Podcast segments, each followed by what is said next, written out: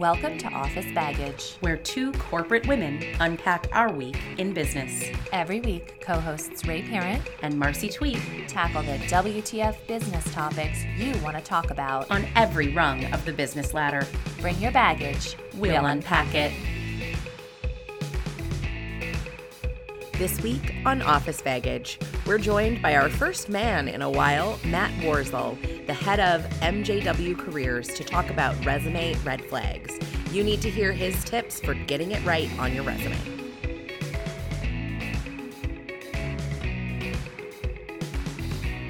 So, welcome back to Office Baggage. I'm incredibly excited to be here today with Matt Warzel, the president of MJW Careers.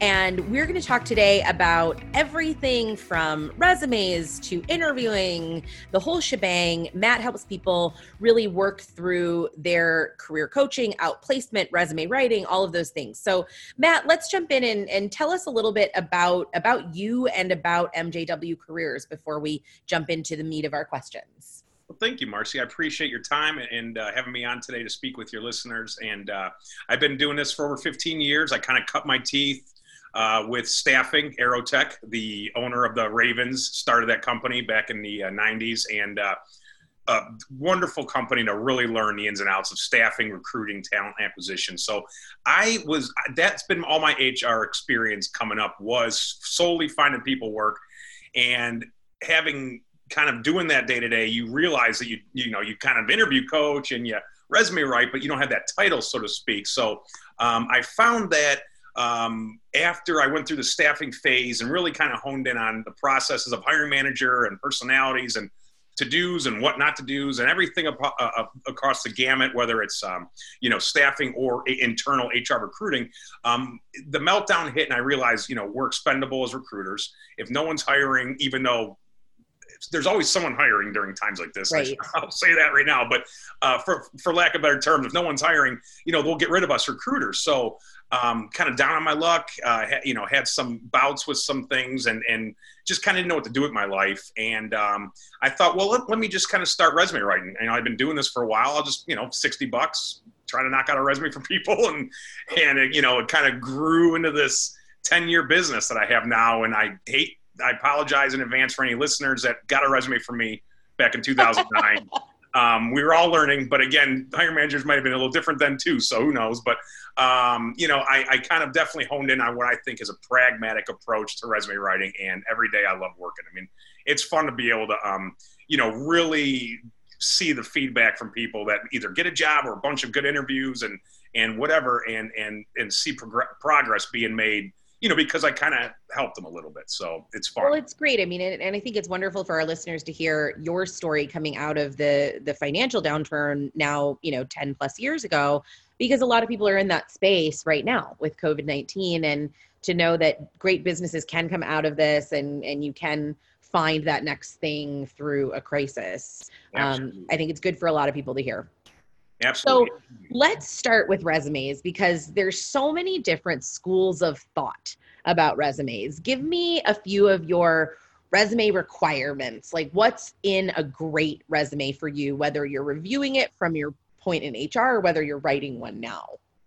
The meat and potatoes is the experience. Uh, no matter what, you know, how many neat technical abilities you've acquired, no matter how, how many classes you've taken on you know 3d graphic design or whatever else you're doing in your world uh, the experience I, I hate to tell all these early career kiddos in the world but you know experience is your meat and potatoes of any sort of resume. And so the, the key is what can you get in there without fibbing but also making a good impact as to what value you offer to these hire managers.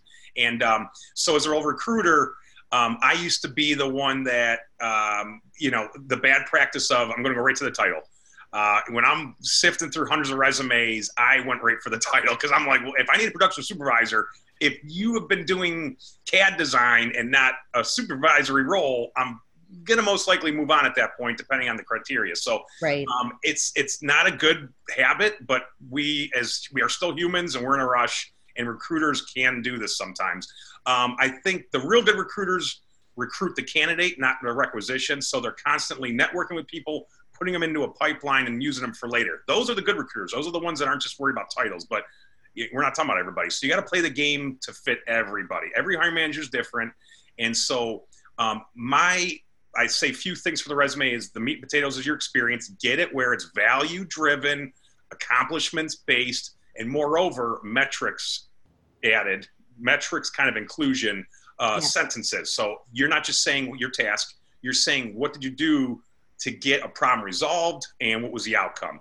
That those are more impactful sentences. I mean, I can I can't tell you how many times uh, I can't drill into my clients that um, when you're on an interview, it's all about the company. It's all about how you can add value and, and, and, and tear into those pain points they have. So, and we can get into that later, but you know, for what it's worth, value, value, value. So through your experience section, have a nice layout. You don't need bells and whistles and borders and all this kind of stuff. It bogs down the applicant tracking systems. You know, when I'm trying to copy and paste your information information into my applicant tracking system i don't have time to figure out why the headers are all over the place and where this goes where so sometimes i'll just kick you out of the system and say sorry you know because i didn't have a time that day to do that so you got to play it pragmatic and then um, I would say finally is probably the applicant tracking system buzzwords. I mean, I hate to say it, but it's necessary evil. We don't go door to door anymore with us with our sales coat on and our in our briefcase saying, "I'm the creep who wants to meet with your managers because you're creepy now."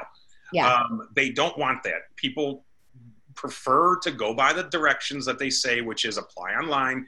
And obviously, there's some backdoor things we can get into about how to get in front of decision sure. makers without that route. But um, just make sure that your word your words within your resume are ones that relate to your background and towards the targeted role so you're being found by the recruiters yeah. yeah you hit on something that i always it's advice i always give people about resumes go through every single line of your resume and ask the question so what and yeah. if you can't answer it if there's not a number or a you know a goal and accomplishment in all of that and that's some of the advice i also give to young people as well you might not have a lot of accomplishments that you've had in the role you had as an intern or in your first job out of college but mm-hmm. you contributed to big accomplishments. So when you go through your resume with that so what that so what can be your department's accomplishment. That so what can be your boss's accomplishment. You just have to explain how you contributed to that overarching accomplishment right?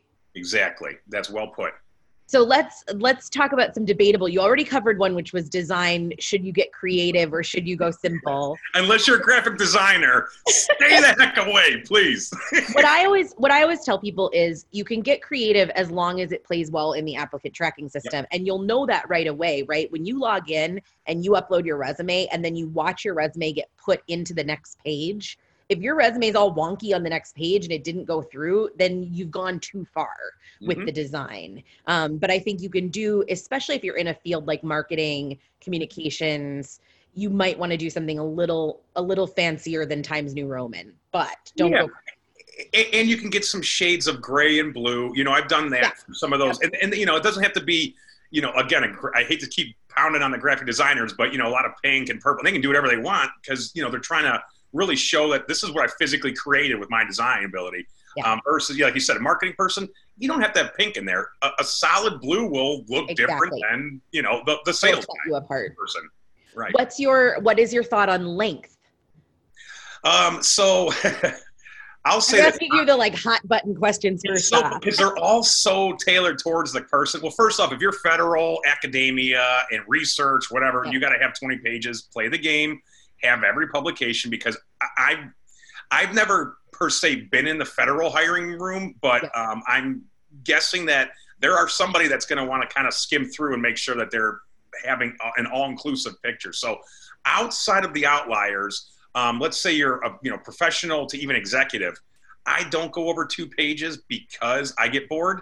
Yep. Um, I will strive and fight like heck to not let that go into three, even if my client's some 30 year old, uh, 30 year uh, engineer that went into leadership and he wants his 1985 IBM stuff on there. Sometimes I go, okay, here's three pages, but I disagree. But yeah. um, so I like one or two. If you're early career within five, ten years of experience, one's usually about the stretch you're going to go because how much stuff can you really get in there? Yeah. Um, but um, yeah, one or two. Again, we're scrolling these days. We're not uh, handing them in physically. Uh, we're not going door to door. So you know, the recruiter's not going to know if it is a page three per se sometimes if there's going on a screen, but they know how many freaking scrolls they're doing with their yeah. finger. They don't need to be doing that much. So exactly. keep it relevant, and don't be redundant. Yeah. Okay, here's another hot button issue photo on your resume, yay or nay? I say nay, and here's why. Agreed. Because there are so many decision makers in this process of hiring that the one or two that might get turned off by a photo, you automatically lose out on. Now, if you didn't have that photo, or, I don't want to say this. If you if you have a photo and you creep someone out, you might have lost out on the opportunity. Yep. If you didn't have the photo, how many people are going to go? I'm not bringing them in. They look good for the job, but they don't have a photo. How am I supposed to know what they look like? Like I've never seen anyone be that zany. So I mean. I think it's a trend in Europe because I've oh, seen Oh, yeah. a number of resumes recently that have been from European candidates that have had photos on them. all And of them, all of them almost.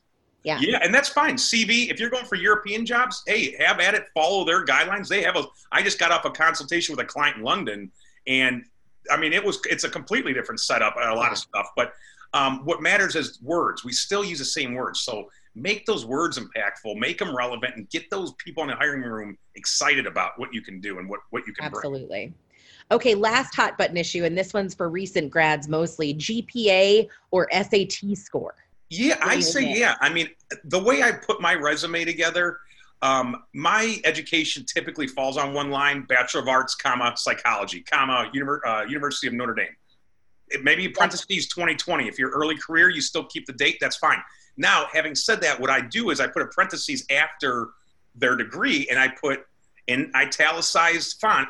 Uh, President Alpha Gamma Omega slash GPA 3.8 slash summa cum laude. Whatever I can do to get in that one line of achievements, Yep. um, I will add because again, you're you, it's not a space killer, and a GPA is not taking up more than four characters. So Yep. if you have the space, um, if you're let's say this, if you're a mid career and you had a you know 4.0 at Harvard.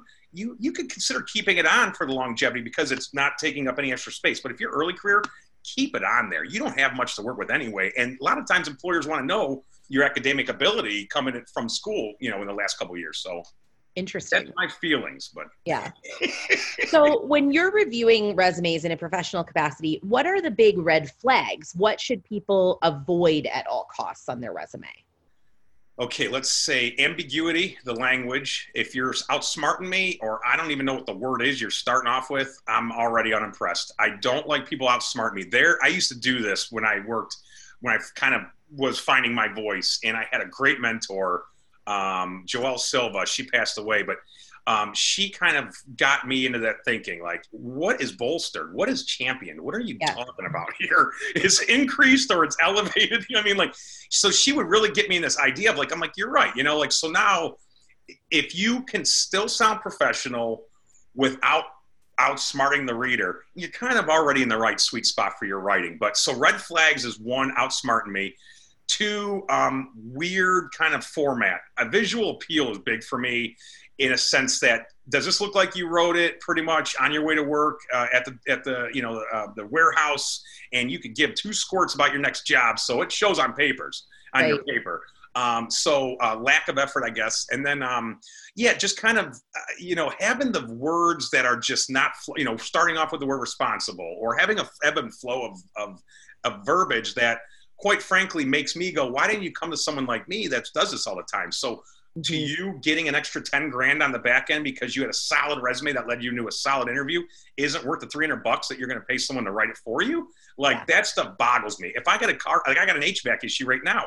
Guy had to fix my tumble or blower or some sort of thing in the blower. I don't know about that stuff. So $300 is worth the value to get air conditioning in my house in wilmington north carolina in june.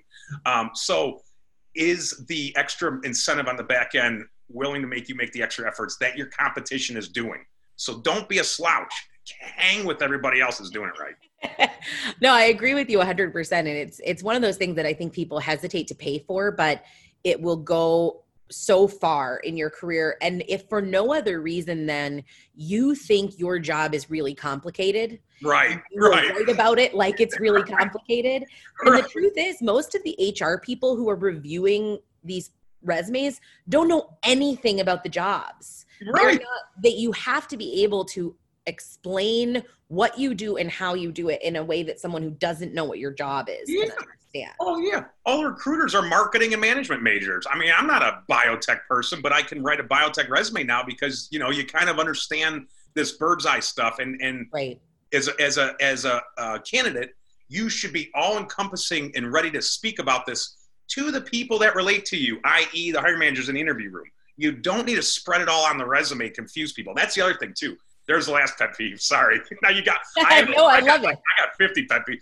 Um, when they decide to bog me down as a reader with acronyms, if you're military coming to private, Yes. if you're a technology person, save it for the end under technical skills. Don't jam in all these complicated verbiage because me as a marketing major recruiter that is the gatekeeper to the to your dream job, if I'm confused, I sure as heck ain't gonna present it to the hiring manager because I'm not gonna know what I'm talking about. So you gotta keep the realization that this thing should just be a storytelling thing. This shouldn't be like a detailed.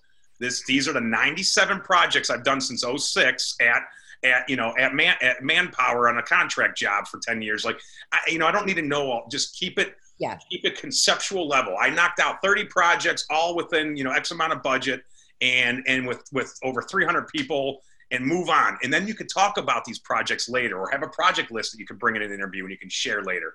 Um, so there's various ways to get creative without being like, here's everything. You like my 10 pages? Because I know you have nothing else to do but look at me. Um, Yeah. You know, be mindful. oh absolutely yeah make it easy for the recruiter to find you it's it's funny so i formerly worked for a company whose name is very hard to pronounce. They're one of the largest companies in the world but i always joked internally we would joke we're the largest company in the world no one's ever heard of. And soon after leaving that company applied for a job that i you know it was one of those you checked every single box on the job. And i knew some people internally and my job i, I had gone through some back channels right? And i my resume got kicked out of the hiring process in like 24 hours and i reached out to my the people i knew internally and said hey you know they knew i was applying and they had put my resume on the desk of the hiring manager. What was it? And one of my friends internally reached out to the recruiter and the recruiter said well you told me you were only looking for people from big companies and she didn't whoever the recruiter was didn't recognize the name of my company. I hadn't put anything on my resume that would identify that my company was a massive fortune 100 company. Right. and she kicked me out immediately. And uh, my the company i used to work for was two names and it kind of the joke was it always sounded like a law firm. And she just assumed that i didn't have work in the fortune 100 and that was it. Now I got in through a back channel and and did more interviewing. Didn't end up taking the job, but those are the kinds of things like one line in my resume that said for a Fortune 100 global firm. Like that, right. you know, that teaches the recruiter who might not know the name of your company. Like think about somebody who's right who's listening to you, reading your resume as if they know nothing about what you do, nothing about where you've worked. Right, and then and, and just to piggyback off that, it's like you know some of the recruiters might dig in a little deeper and just Mhm. Google the company and be like, "Hey, is this a large?" But not all of them do. So you got again, that's where every personality is different.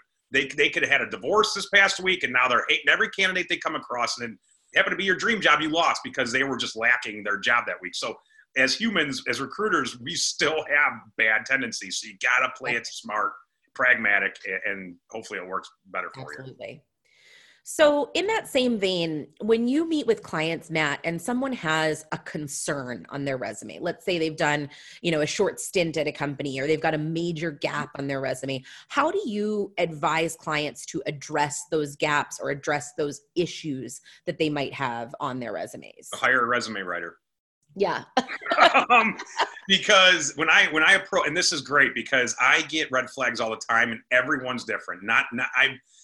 Okay, I've done enough resumes where some correlate, but again, everyone's. So if you're coming, let's say you got a big old gap, maybe a different different layout of the resume. Okay, there's different uh, the functional, the chronological, and, and the and the uh, function the functional chronological and combinational.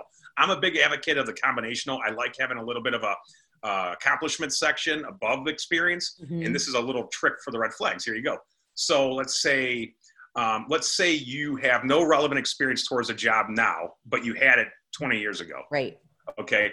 Now here's how you could do it. You could take that 20 years ago job and get rid of all that content and keep that under a previous work experience, right? With the name, Yep. date, and the, the title, and then take all that stuff from there and find some really good stuff from 1985 and jam it into this accomplishment section above the experience. Now they don't need to know that was from 1985. They just need to see Mhm. that you've done it and that you could still do it. I mean, don't fib if you can't remember what the heck you did back then. Let's try to be mindful of that stuff. Um, but now you can kick some of these really great achievements from down here into this up here. Okay, so that's like so that's that one scenario. Another one might be um, like a gap. So a gap. What I might do is let's say someone has been doing freelance work to kind of quote unquote show that they've still been working, and even though they've been a um, work at home mom for the last five years, what do you do? So from this scenario, sometimes I like to do a, a, a functional layout where I'll have the nice, you know, couple you know, whatever bullet points broken into maybe three different sections project management, leadership, operations, whatever, and have a few different really good points. And then underneath down here, this work experience, instead of showing dates, you can just say work experience 2010 to 2020 and maybe list a few of the jobs you've done. So then that way they can grill you on the phone where did you work? The recruiter might dig in a little bit more and figure out, but what your goal is for them is to get you on the phone so they can vet you and see if you are worthy of an interview. And once you're on the phone, that's where you can really hone in on why you would still be a fit.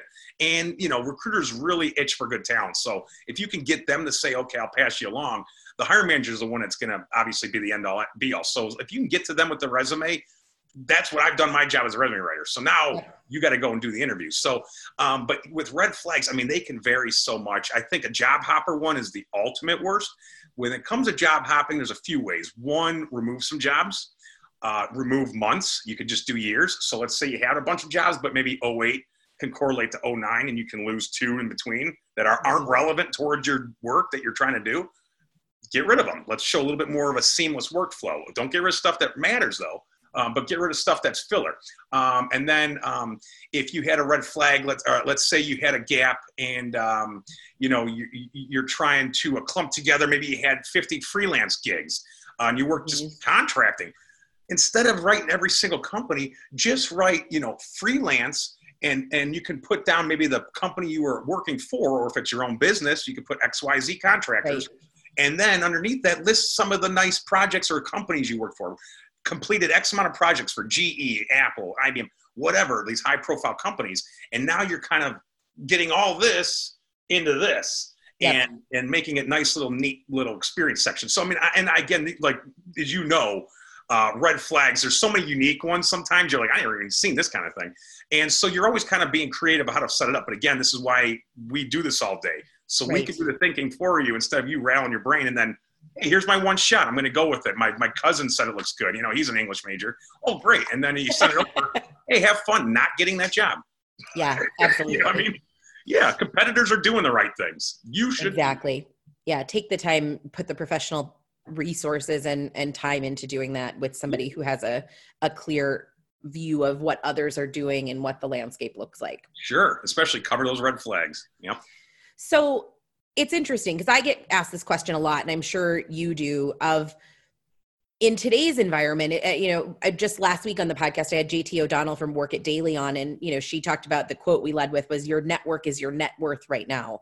You know, in this COVID nineteen bounce back, there's going to be a lot more jobs on the shadow market that are not going to get posted. There's going to be a lot more need to go, you know, in the back door and and to go through your network.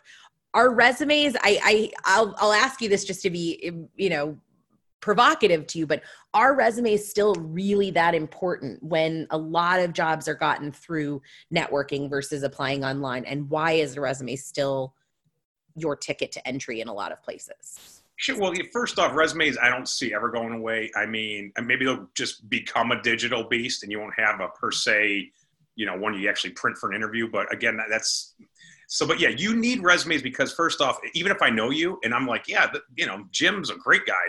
Apparently, he's got someone he knows, and I've always vouched for Jim. Let's mm-hmm. get his buddy in and and and see if he's a good fit.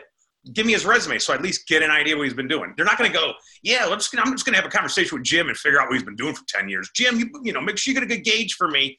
You know, like that doesn't work. So you need yeah. some, you need something to visually show them.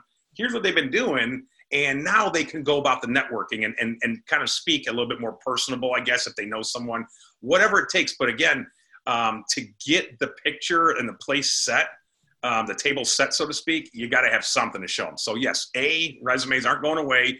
And um, B, uh, the the hidden market. Um, I can vouch for this personally. When we after the meltdown, when before I got laid off from Johnson Controls, when I was recruiting HVAC mechanics and controls engineers in California, um, we immediately halted all external posts. Hey, yep. taking down external stuff.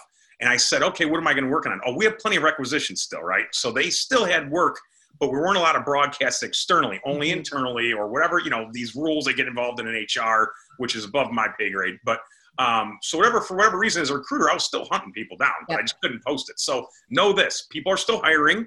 A during any sort of downfall, there's always somebody making money, and B, the people that might not be hiring as much, maybe they got slowed down a little bit. They're still going to have to find some gaps to fill during all this. So um, your best bet is to, um, and I find that the workarounds using LinkedIn is my favorite workaround. Yeah. Um, I like to try to find some people that might be at the company you're targeting and maybe on a level that you are or junior level within a department you're focusing on and maybe try to buy them a, a iced coffee so to speak online which is kind of this thing i'm thinking i don't know if it works or not as far as a catchy little thing. I'm calling it iced coffee. Essentially you're like giving them like a five dollar amazon card so you can take Okay. minutes of their time. Um, so it's not a warm cup of coffee like the old days of meeting in person. Um, so you know you say hey uh, junior scientist i really could you know looking to get a scientist role chemist role in your uh, at your job and you're a junior person there do you mind if i bend your ear for 10 minutes on the phone or a zoom and i'll Mhm. send over a five five dollar amazon or ten dollar amazon card before the call or something um, and then uh, pick their pick their brain but be mindful of their time show that them show them that you might be able to add value to them somehow um, this this is where you really got to start thinking though. This isn't like just to you know go on a script. You know, you really got to make make sure you're you're networking your way into a, a, a- a dialogue that is relevant, and at the end, moreover, trying to just get to the next level, trying to get to a decision maker or maybe someone else in that department that can use your resume. So, um, and then after you're done with that first kind of gatekeeper, go for the second person that they might have referred you to, and have a have an extended conversation about how you could be a viable fit and that you you know really researched the company and noticed some things that, that that you know you can help with and you've seen some openings or whatever the situation is everything is 100 variables each but Yep. Figure out some of the top ones and then follow up with them with a little bit of a uh, maybe an incentive and then also get back to that first person. Once you're done with the second one go back to the first one and be like thank you and give them a little thank you. And company number two company number three Yeah. whatever. Keep working backdoor ways uh, to get to the decision makers. And linkedin is phenomenal because of how big it is as a network Absolutely.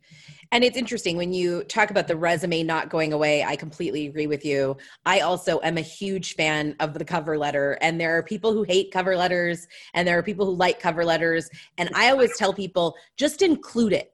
Like if the recruiter hates cover letters, then they're not going to open it and look at it anyway. And it doesn't hurt you. Yeah. But it doesn't, even if you're applying to something that so and so that you know at the company got you in, when they say, hey, send over your resume, send a quick cover letter that goes through, you know, I, my favorite cover letter advice came from the former president of Hearst Magazine's Cathie Black. She said, your cover letter should say three things why you're good at what you do, how you'll help the company, and why you want this job. Oh, And that's yeah. it. And I love that formula, but you know, it gives you an opportunity to use some prose in a way that you don't get to do in the resume. I always tell people put the cover letters in in with your resume, and if nobody opens it, darn. But if somebody loves cover letters, then they'll love your cover letter. yeah because that one who did like it might say i don't want to see them now If they didn't give me a cover letter i didn't get a chance to see how they they write or whatever and you're and that's saying what you just said exactly what i tell my clients is that eyes only belong in the cover letter eyes me's we's us you don't put them in your resume you don't put them on your linkedin. That's your cover letter is your personality and that's the one where you can actually say me me me me me more than you know anywhere else in this whole job hunting process. So you got to have it. So let's talk a little more about LinkedIn. One of the questions that I've heard a lot lately, you know, we hear tips from resume gurus, and of course, I give this tip to tailor your resume and make sure that your resume is tailored for every single job, that you're matching those keywords so that you get through the systems. How does that advice jive with the fact that we only have one LinkedIn profile? So you tailor your resume, you change things on it, but your LinkedIn profile has to remain static. So, how do you walk that line or advise clients to walk that line on their LinkedIn? Sure. And I will be the first to admit that I'm totally on board to hear other experts with LinkedIn as it evolves into the beast it is and the entity that we're all using it as. And and first I always say, A, your LinkedIn should match your resume because when I was a recruiter, if I had a profile of someone that didn't jive with the resume my hiring manager had, and all of a sudden we have two of the same Jane Does, but it's the same person, but two different like we're, Yep. don't do that to people. They have a hard enough time already hiring, and they're already in a busy, hectic manner. Um, so keep your resume and LinkedIn the same. It's fine. I don't. You don't need to get cute with LinkedIn. It, it's not a Facebook. Um, and then now, moreover, and that's just how I feel about that. So I know I excited about that. Um, but moreover, now this this point, and I'm just going to give you my two cents. But again, I would like to hear everybody else's in terms of of who's been through this. Um, but um, I would say that you want to master your your LinkedIn profile around whatever the you want to emulate your LinkedIn profile around your master idea of a job, your, your master target. Your if you're a marketer and you're open to marketing, sales, and management, which which one you want the most? And that's kind of where I would say is my first knee jerk kind of answer. Just make it marketing then. Don't try to be the jack of all trades or Jill of all trades because that's the biggest no no. Um, maybe in the 90s, but nowadays they want niche. They want people that mm-hmm. are functioning as one type of thing. Um, unless it's a small company that wants and embraces that. But let's just be mindful that you want to be more niche than broad. And so I would say pick your best one and just leave it at that. Yep. Um, now, LinkedIn, I would say um, it is important to have it and have it completely filled out and have it auto populated on each field because A, visibility matters with recruiters looking for you on LinkedIn. So fill everything out because you get higher up. And then yep. B, auto populate now, which is fantastic that they do this because if I'm a recruiter and I need to search everyone who's ever worked at Johnson & Johnson, I'm going to click Johnson & Johnson. That, that's all the auto-populated Johnson & Johnson people that get found, not not you that typed it in. So yep. those are my two takeaways um, with LinkedIn. Um, I would say, and the final thing I would say is use the endorsements to find buzzwords relevant to your industry and your job because people that are doing the role already that you want to be in, they have plenty of buzzwords at the bottom under the endorsements. And LinkedIn's doing a wonderful job trying to standardize all this crazy buzzwords yep. out there. So use that with the job description buzzwords as your two places to find uh, those ATS words. But yeah. that's kind of my thoughts on LinkedIn in general. Those are fantastic tips. I think the buzzword thing is really helpful. Uh, this is going back 10 years ago now when I was making this switch from nonprofit to corporate, I had, you know, at that time, all of your skills and endorsements, everything was fundraising communications, fundraising communications. I actually went back and asked a bunch of people who had endorsed me, will you endorse me for these other three skills that will get me in some of those jobs? So when you log onto a job in LinkedIn or you look at a job and it says you would be in the top 10% of this of of this job if you applied or the top 20% or the top 50% that's looking at those endorsements and skills and and what's there. So if you know you're trying to make that shift ask your friends to endorse you for the thing that you're trying to make a shift to. Absolutely. And then the other thing that i i always tell people you know and everybody's resume like you said is a little different but generally how, how i've formatted resumes is maybe a line or two that explains what you do in the job followed by those accomplishments because you want that line or two don't put the accomplishments on your LinkedIn. That's kind of how I feel about LinkedIn. Put the line or two of what the job is on your LinkedIn and then tailor your accomplishments for every single job that you apply to. But then your LinkedIn, that top level stays the same. The accomplishments might change. It drives me crazy when I go on somebody's LinkedIn and every job that they have on their LinkedIn has eight paragraphs on it. It's like, no, no, no, no. Like, I want two sentences on your LinkedIn about what that job was. I like that idea. Yeah. Very lots of lots of ways to use LinkedIn. Lots that's, of you know, and that's what I mean. It, it's just getting more and more like, all right, how do we as coaches kind of give them the good advice that they need? And you know, that and that's the thing. As long as again, I always just go back to pragmatism. If you're not crinkling the forehead of the reader, you're halfway there. Now you just got to be the match of the job. If if they're not confused with when they're looking at you, um, if you're a match, you're going to get in the interview room. I mean, it, it, now that they actually have you in their, their yep. radar. So, so a lot of people right now in this COVID-19 crisis, you know, like you did in, in, you know, the financial downturn are reevaluating their careers. And a lot of people are getting laid off and maybe they're looking for a job that's kind of the next linear job or lateral move for them when they've been laid off. But a lot of people are probably saying, you know what? I got laid off. I don't want to do this anymore. I want to do something else. How do you advise those people to switch industries, totally shift careers?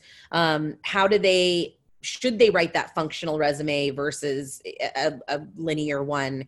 What are some of those tips and tricks for people going, I don't want to be a, you know, supply chain manager anymore. I want to be in marketing. Sure. Uh, first off, congrats because the hardest part is convincing yourself and actually wanting to take the steps. So um, if you have that that gut feeling, go for it. But um, know this. I just wrote an article about this like two weeks ago, and I, I had a Zoom where I got fired up over this. um, if you want to go and be the marketer, don't start applying to jobs. Don't just go and willy nilly your resume. you need to learn because you've been in supply chain for so long. You need to learn what are marketing trends. What the heck are marketing words? What are marketers doing? What's marketing? What what are we doing for like?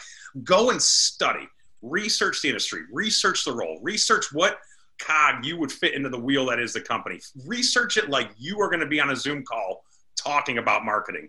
Then when you get there, write your resume. So how do you do that? You you either a you go through Google News alerts.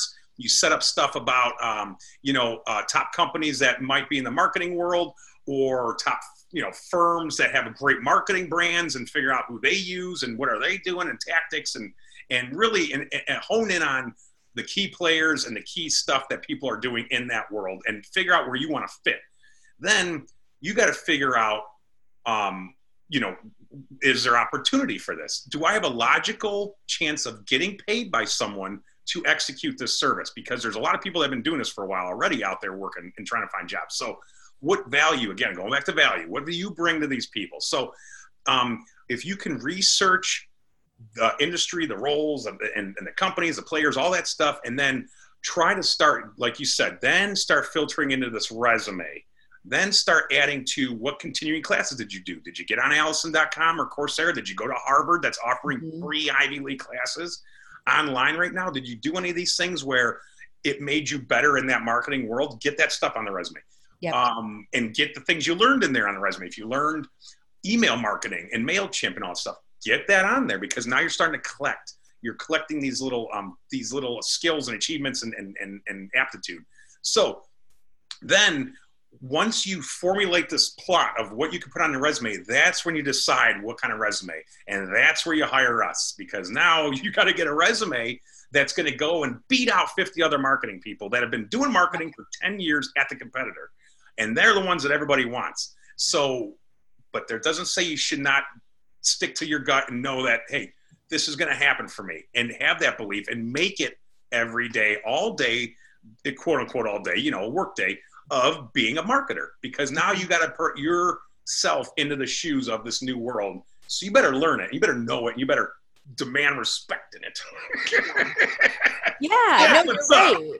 You're right. And I think especially for someone who, if you've been, if you're in a situation where you've been laid off or you're between jobs reach mm-hmm. out to you know your buddy who owns a business that does lawn care and say can i write a marketing or a social media prospectus for you? Can i have some you know can you give me some feedback on this so that you've got some sense even if it's not paid freelance work find yourself some freelance work that will get some of those skills under your belt that you might need in that job you were looking for.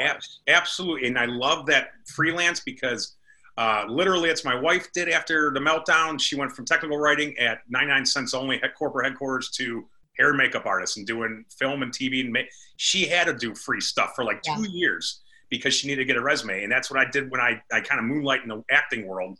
And those first few years, I didn't get paid. No one's going to pay me. To, I didn't know what the heck I was doing. So you go on student short films. You go and do feature, local feature films. You go and meet people, network and then eventually someone will actually pay you. Absolutely. So it'll surprise right. you one day, right? Yeah, experiential learning. They're nothing better. Fantastic. Well, this has been so great, Matt. I know our listeners have gotten some really good tidbits from you. We will make sure to link your social media and your website so that people can find you and hire you um, and ask you more questions about resumes. This was fantastic. And thank you so much for coming on Office Baggage. Oh, thank you so much. I look forward to seeing you again. And, and uh, everyone be safe out there and uh, uh, stay well. So.